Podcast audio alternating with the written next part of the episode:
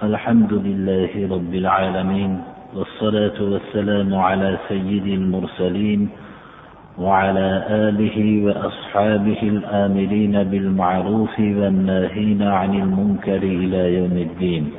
أما بعد السلام عليكم ورحمة الله.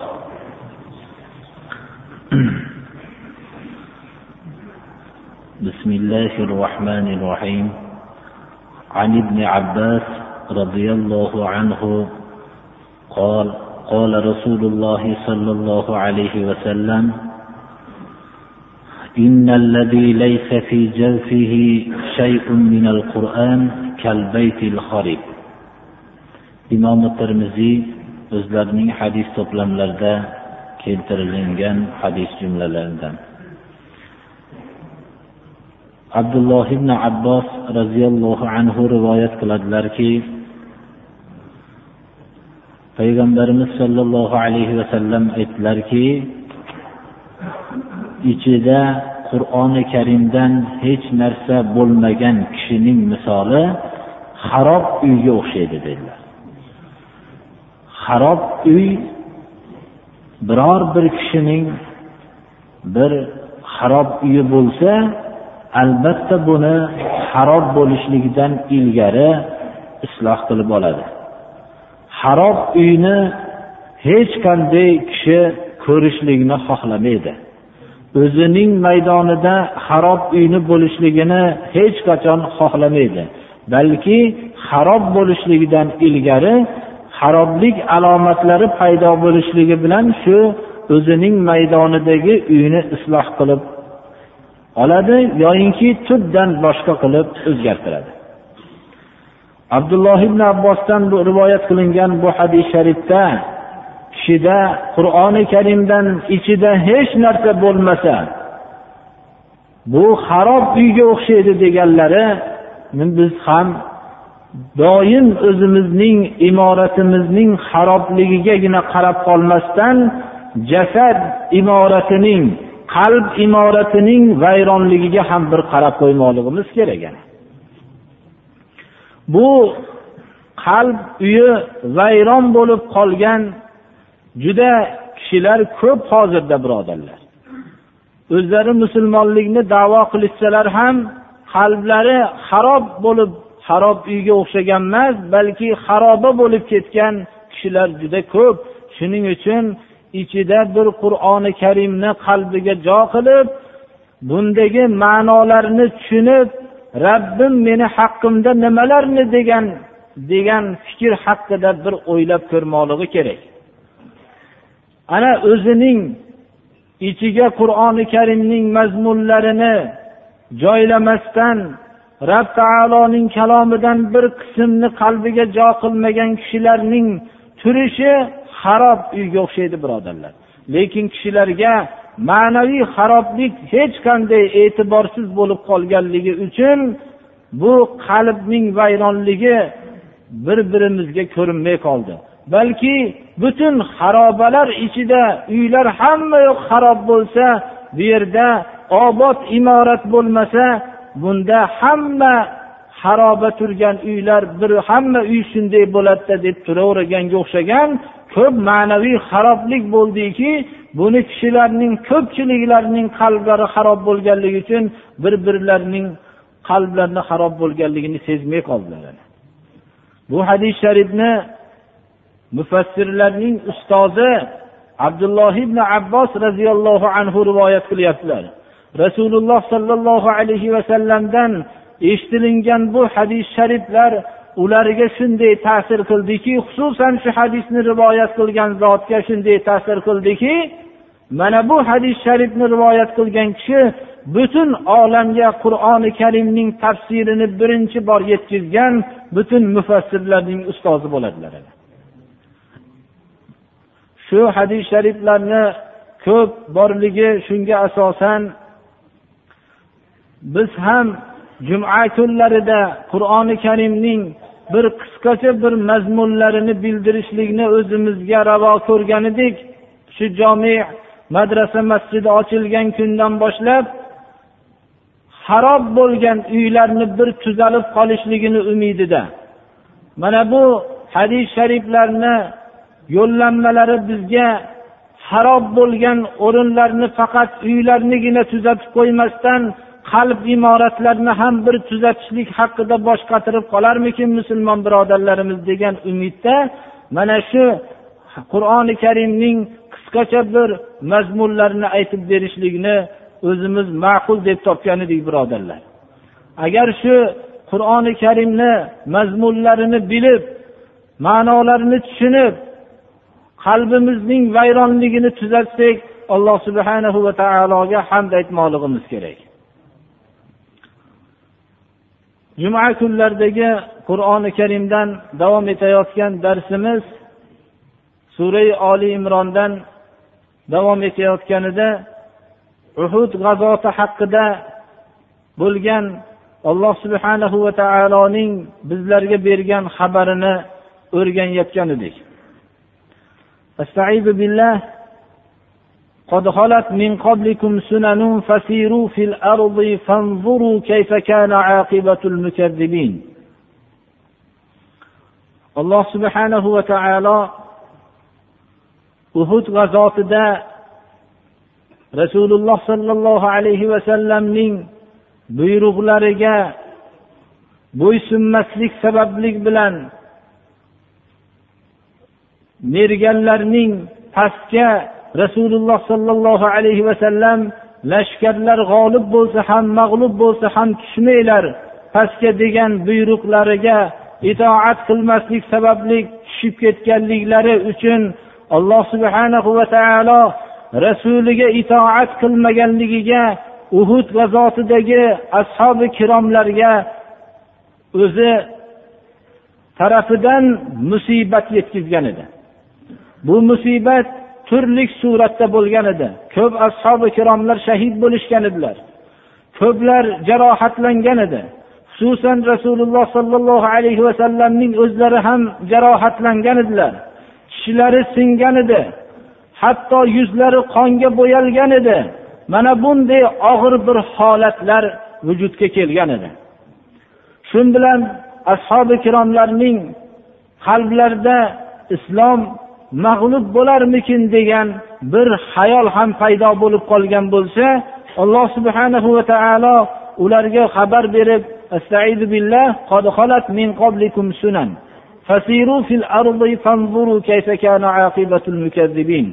hayotda sodir bo'ladigan ishlar hammasi ollohning sunnatiga muvofiq joriy bo'ladi. Ollohning sunnatidan boshqa narsa hayotda joriy bo'lmaydi. Ollohni yo'lini yolg'on deganlarning oqibati albatta mag'lubiyat bilan tamom bo'ladi. Ollohning hayotdagi joriy bo'lgan sunnati shu. Agar payg'ambarning buyrug'iga ergashilmasa mo'minlarga mag'lubiyat keladi. Bu ollohning hayotdagi sunnati. Bu sunnati hech qachon o'zgarmaydi. Tarixda ham shunday bo'lgan. Sizlardan ilgari ollohning hayotdagi joriy qilgan sunnatlari o'tgan. Yerni kezinglar. Ollohni yo'lini yolg'on deganlarning oqibati qanday bo'lganligini ko'ringlar. Ular hammasi yer yuzida halok bo'lib yo'qolib ketgan. Ollohning sunnatidan boshqa narsa bo'lmaydi. Ollohning sunnatiga muvofiq hayotda joriy ishlar bo'ladi. Hamma ishlar shu sunnatga muvofiq joriy bo'ladi. Tarixda fors hukmdorligi rum hukmdorligi hammasi ollohni yo'lidan voz kechib butun maishat kasalligiga giriftor bo'lib haddan tashqari maishat yo'liga o'tganligi sababli halok bo'ldi.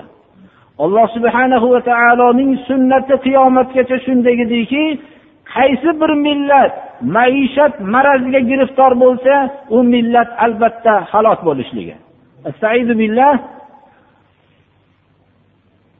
إنا إذا أردنا أن نهلك قرية أمرنا متر فيها ففسقوا فيها فحق عليها القول فدمرناها تدميرا agar biz bir shaharni bir viloyatni halok qilib tashlamoqchi bo'lsak deydi alloh subhanahu va taolo shu shahar shu viloyatdagi maishatparastlarni hammasini maishat yo'liga tushirib qo'yamiz. Butun topgan dunyolarini maishatni o'ziga sarf qilishadilarda haq yo'lga sarf qilmasdan maishat yo'liga haddan tajovuz qiladigan yo'llarga sarf qilishlik bilan biz bu shaharni vayron qilib halok qilib tashlaymiz deydilar bu ollohning sunnati.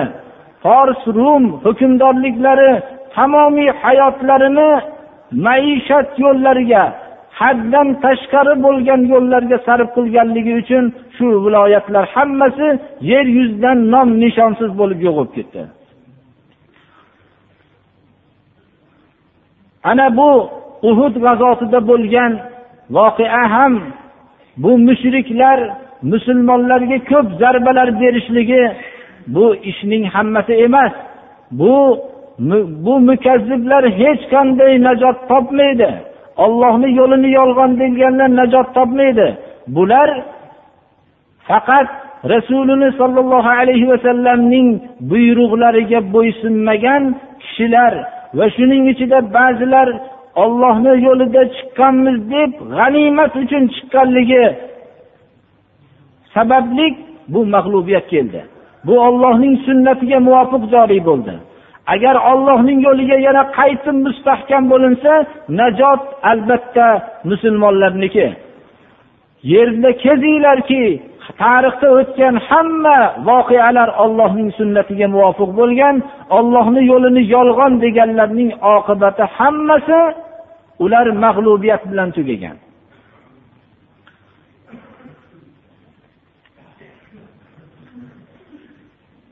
هذا بيان للناس وهدى وموعظة للمتقين bu qur'oni karim hamma odamlarga bayondir qur'oni karim hamma insonlar eshitishligi kerak bo'lgan bayondir alloh subhanahu va taolo hamma olamdagi haqiqat hamma narsalarni bayon qildi lekin hamma uchun hidoyat bo'lmaydi. Hidoyat bo'lishlik faqat kishining eshitishligi o'zi kifoya qilmaydi hidoyatga. Hidoyatga qabul qiladigan qalb bilan o'qilgandagina hidoyat bo'ladi. Hidoyat bo'lishligi faqat ollohdan qo'rqqanlarga hidoyat bo'ladi. Bu hamma odamlar uchun mo'minu kofiru mushrik munofiq hamma uchun bayon. Qur'oni karim hamma eshitishligi zarur bo'lgan eshitishligi kerak bo'lgan bayondir. Ammo hidoyat maviza ibrat bo'lishligi faqat muttaqillar uchun. Kishilar qur'oni karimning hidoyatligini bilishlik uchun ollohdan qo'rqqan qalb bilan o'qiganlardagina qur'oni karim ularga hidoyat bo'ladi. Astaidu billah mana qur'oni karimning avvalida alif lam mim zalikal kitabu la rayba fih hudallil muttaqin.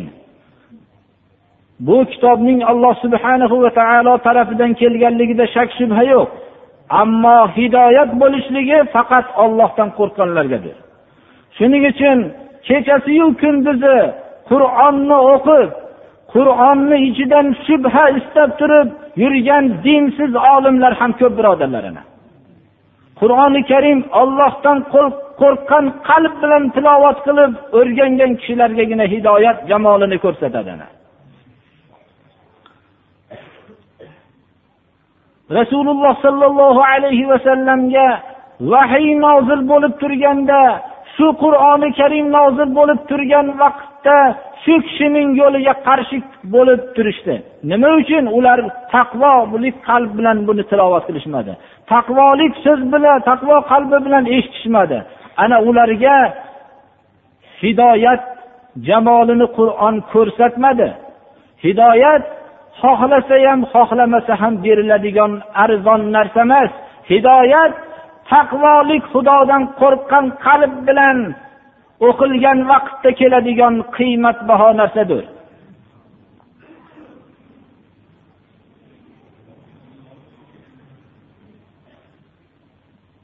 Demak olamdagi har bir narsa ollohning sunnatiga muvofiq joriy bo'lsa bu uhud g'azotida yetgan ba'zi musibatlarga suslik qilish bunga g'amgin bo'lishlik bu hikmatga ziddir. Mo'min bo'lib turgan kishi hech qachon boshiga tushgan musibat sababli suslab yoinki g'amgin bo'lib qolmasligi kerak. Agar haqiqiy mo'min bo'lsa u doim oliydir u. U dunyoda yakka qolgan holatda ham oliydir agar haqiqiy mo'min bo'la olsa.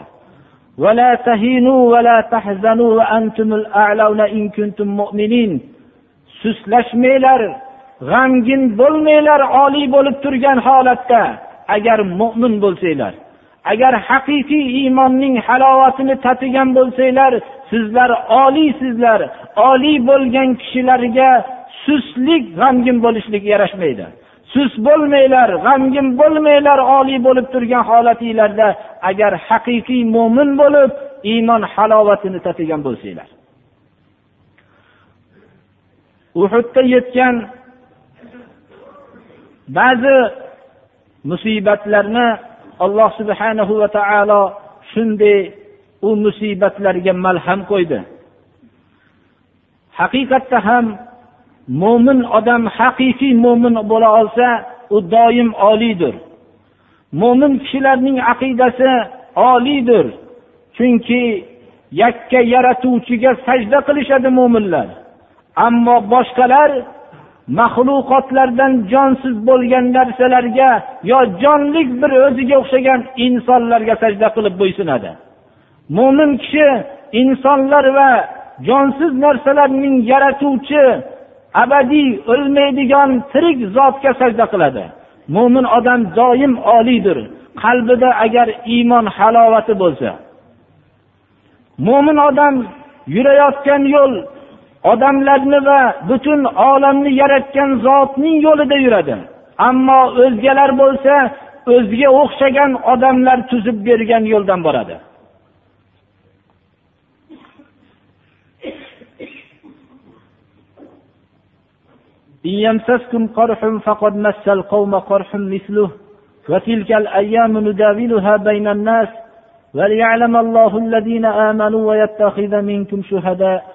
vallohu la yuhibbu zolimin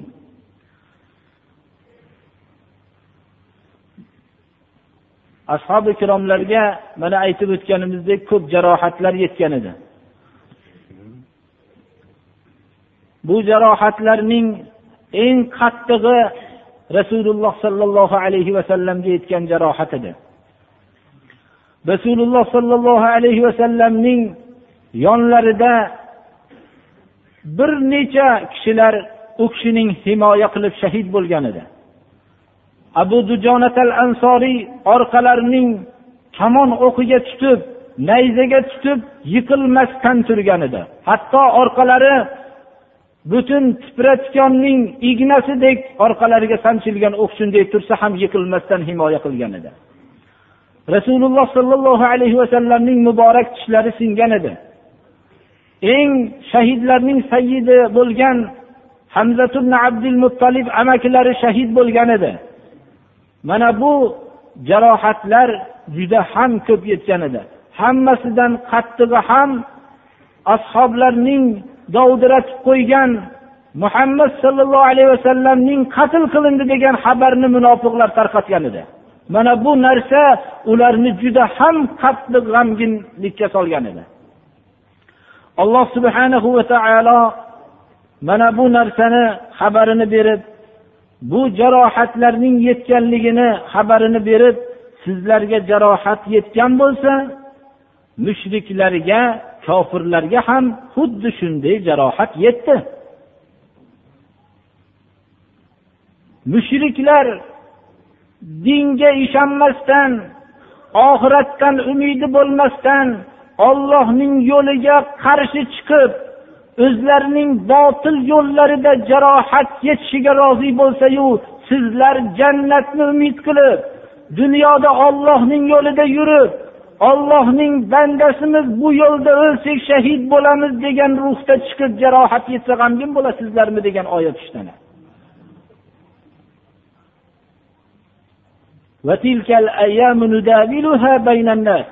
bu kunlar biz bu kunlarni odamlar o'rtasida almashlanib beradi. Almashlab beramiz. Ba'zida sizlarning manfaatinglarga bo'ladi. Ba'zida sizlarga musibatlar yetadi. Bu kunlarni biz almashtirib beryapmiz. Alloh subhanahu va taolo sizlarga jarohat yetkazishlikka muhtojmas g'alabani shunday mo'jizaviy suratda berishlikka qodir. Lekin iymon keltirgan kishilarni alloh subhanahu va taolo o'zlariga va o'zgalarga ma'lum qilib qo'yishlik uchun shu musibatlarni yetkazadi. Insonlar hammalari osoyishta vaqtlarda mo'minman deydi. Meni iymonim komil deydi.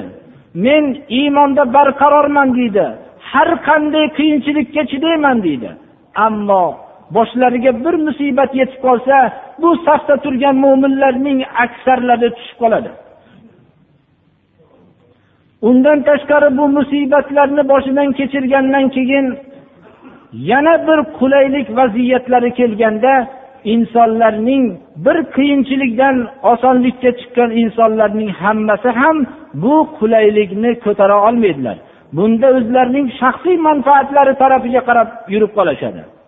Alloh subhanahu va taolo haqiqiy iymon keltirgan kishilarni bu voqealar havodisotlar tajribasi ostidagi insonlarga kim haqiqiy mo'min kim soxta mo'min kim xursandlik bo'lganda mo'min kim moli davlatiga ziyon yetmaganda mo'min kim boshiga musibat tushmaganda mo'min kim har qanday musibat bo'lganda ham haqiqiy mo'min ekanligini xalqlarga ma'lum qilib qo'yishlik uchun shu musibatlarni sizlarga yetkazyapti hatto kishi o'zi ham haqiqiy mo'minligini esdan chiqargan vaqtida alloh subhanahu va taolo o'ziga ham ma'lum qilib qo'yadi. Moli davlatim bo'lsa hammasini men olloh yo'lida sarf qilgan bo'lardim afsus kambag'alman deydi ba'zi kishilar. Moli davlat bo'lganda u narsani hech qachon qilolmaydi. Ba'zi kishilar kuch quvvatim yo'q zaifmanda agar quvvatim bo'lganda men dinga xizmat qilardim deydi. Kuch quvvat ham alloh subhana va taolo tarafidan beriladi lekin u kuch quvvatning shaxsiy manfaatigagina ishlatadi. Boshiga musibat yetgan vaqtlarda kishilar hammalari haqiqiy mo'min bo'lib turishmaydilar. Musibat yetgandan keyingi bosqichda unda musibat yetgan vaqtda haqiqiy mo'min bo'lib turgan kishilarning ham shu musibatlardan keyin ularga martabalar kelganda ular ham haqiqiy mo'min bo'lib turolmaydilar qiyinchilikdan keyingi kelgan xursandlik ham ko'p kishilarni dovdiratib qo'yadi. Ular bu xursandlikni ko'tarisholmasdan haqiqiy mo'minlikdan o'zlarini safdan pastda qolishadilar chunki bunday martabalar kelganda martabalarni faqat shaxsiy manfaatlari tarafiga burib olishadilar alloh subhanahu va taolo bu kunlarni almashtirib turishligi bilan haqiqiy mo'minlarni ma'lum qilishlik uchun olloh tajriba qilmasdan turib biladi. Lekin bu narsaning haqiqiy mo'minni ajratish shunday darajada qiyinki vallohu alam ilmni hatto alloh subhanahu va taolo o'ziga isnodini beryaptiki shunchalik qiyinligidan.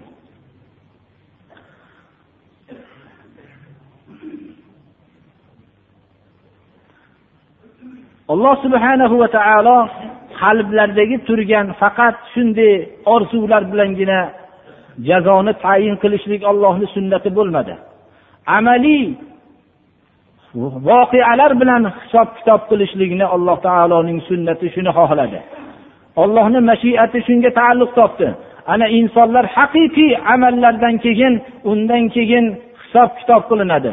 Dunyoda ko'p kishilar mana bunday havodisotlar tajribalar ostida juda ko'plari safdan tushib qolishadilar mana. Hatto billah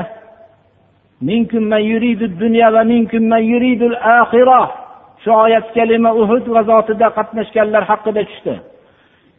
Uhud g'azotida badrda ishtirok etganlar bor edi.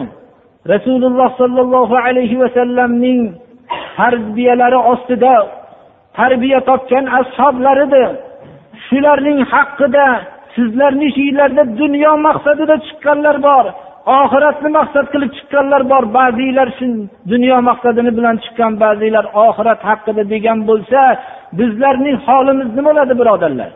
Shunday uhud g'azotidagi ashoblar haqida shunday bo'lsa kishilar hammalari xursandlik vaqtlarida hammamiz oxirat uchun olloh uchun xizmat qilamiz deyiladi. Lekin boshlariga musibat tushib ulardan islom moliyaviy yordamni talab qilsa jonlarini talab qilgan vaqtda hammalari olloh uchun bo'lgan safda turishmaydilar ana. Bu mo'minlarni alloh subhanahu va taolo ma'lum qilib qo'yadida shuning uchun shunday havodisotlarni yetkazadi. Va yana boshlariga yetayotgan musibatlarningdagi hikmatning bittasi olloh sizlardan shahidlar olishlik uchun. Olloh ichinglarda haqiqiy dinga din yo'lida molidan ko'ra molini ham ayamaydigan jonini ham ayamaydigan kishilarning xalqqa namoyish qilib ko'rsatishlik uchun sizlardan shahid olishlik uchun shunday musibatlar yetkazadi. Alloh subhanahu va taolo bu oyat bilan shahidlar o'z öz o'zidan bo'lib qoladigan kishilar emas olloh tanlab oladigan kishilar. Olloh o'zining yo'lida mujohidlarni tanlab oladi. Hamma mujohidlar ham shahid bo'lmaydi. Hamma mujohidlar ham sabr qila olmaydi. Alloh subhanahu va taolo ulardan shahidni ajratib oladi. Demak shahid olloh o'zi tanlab olgan pok zotdir bu narsaga g'amgin bo'lishlik ham durust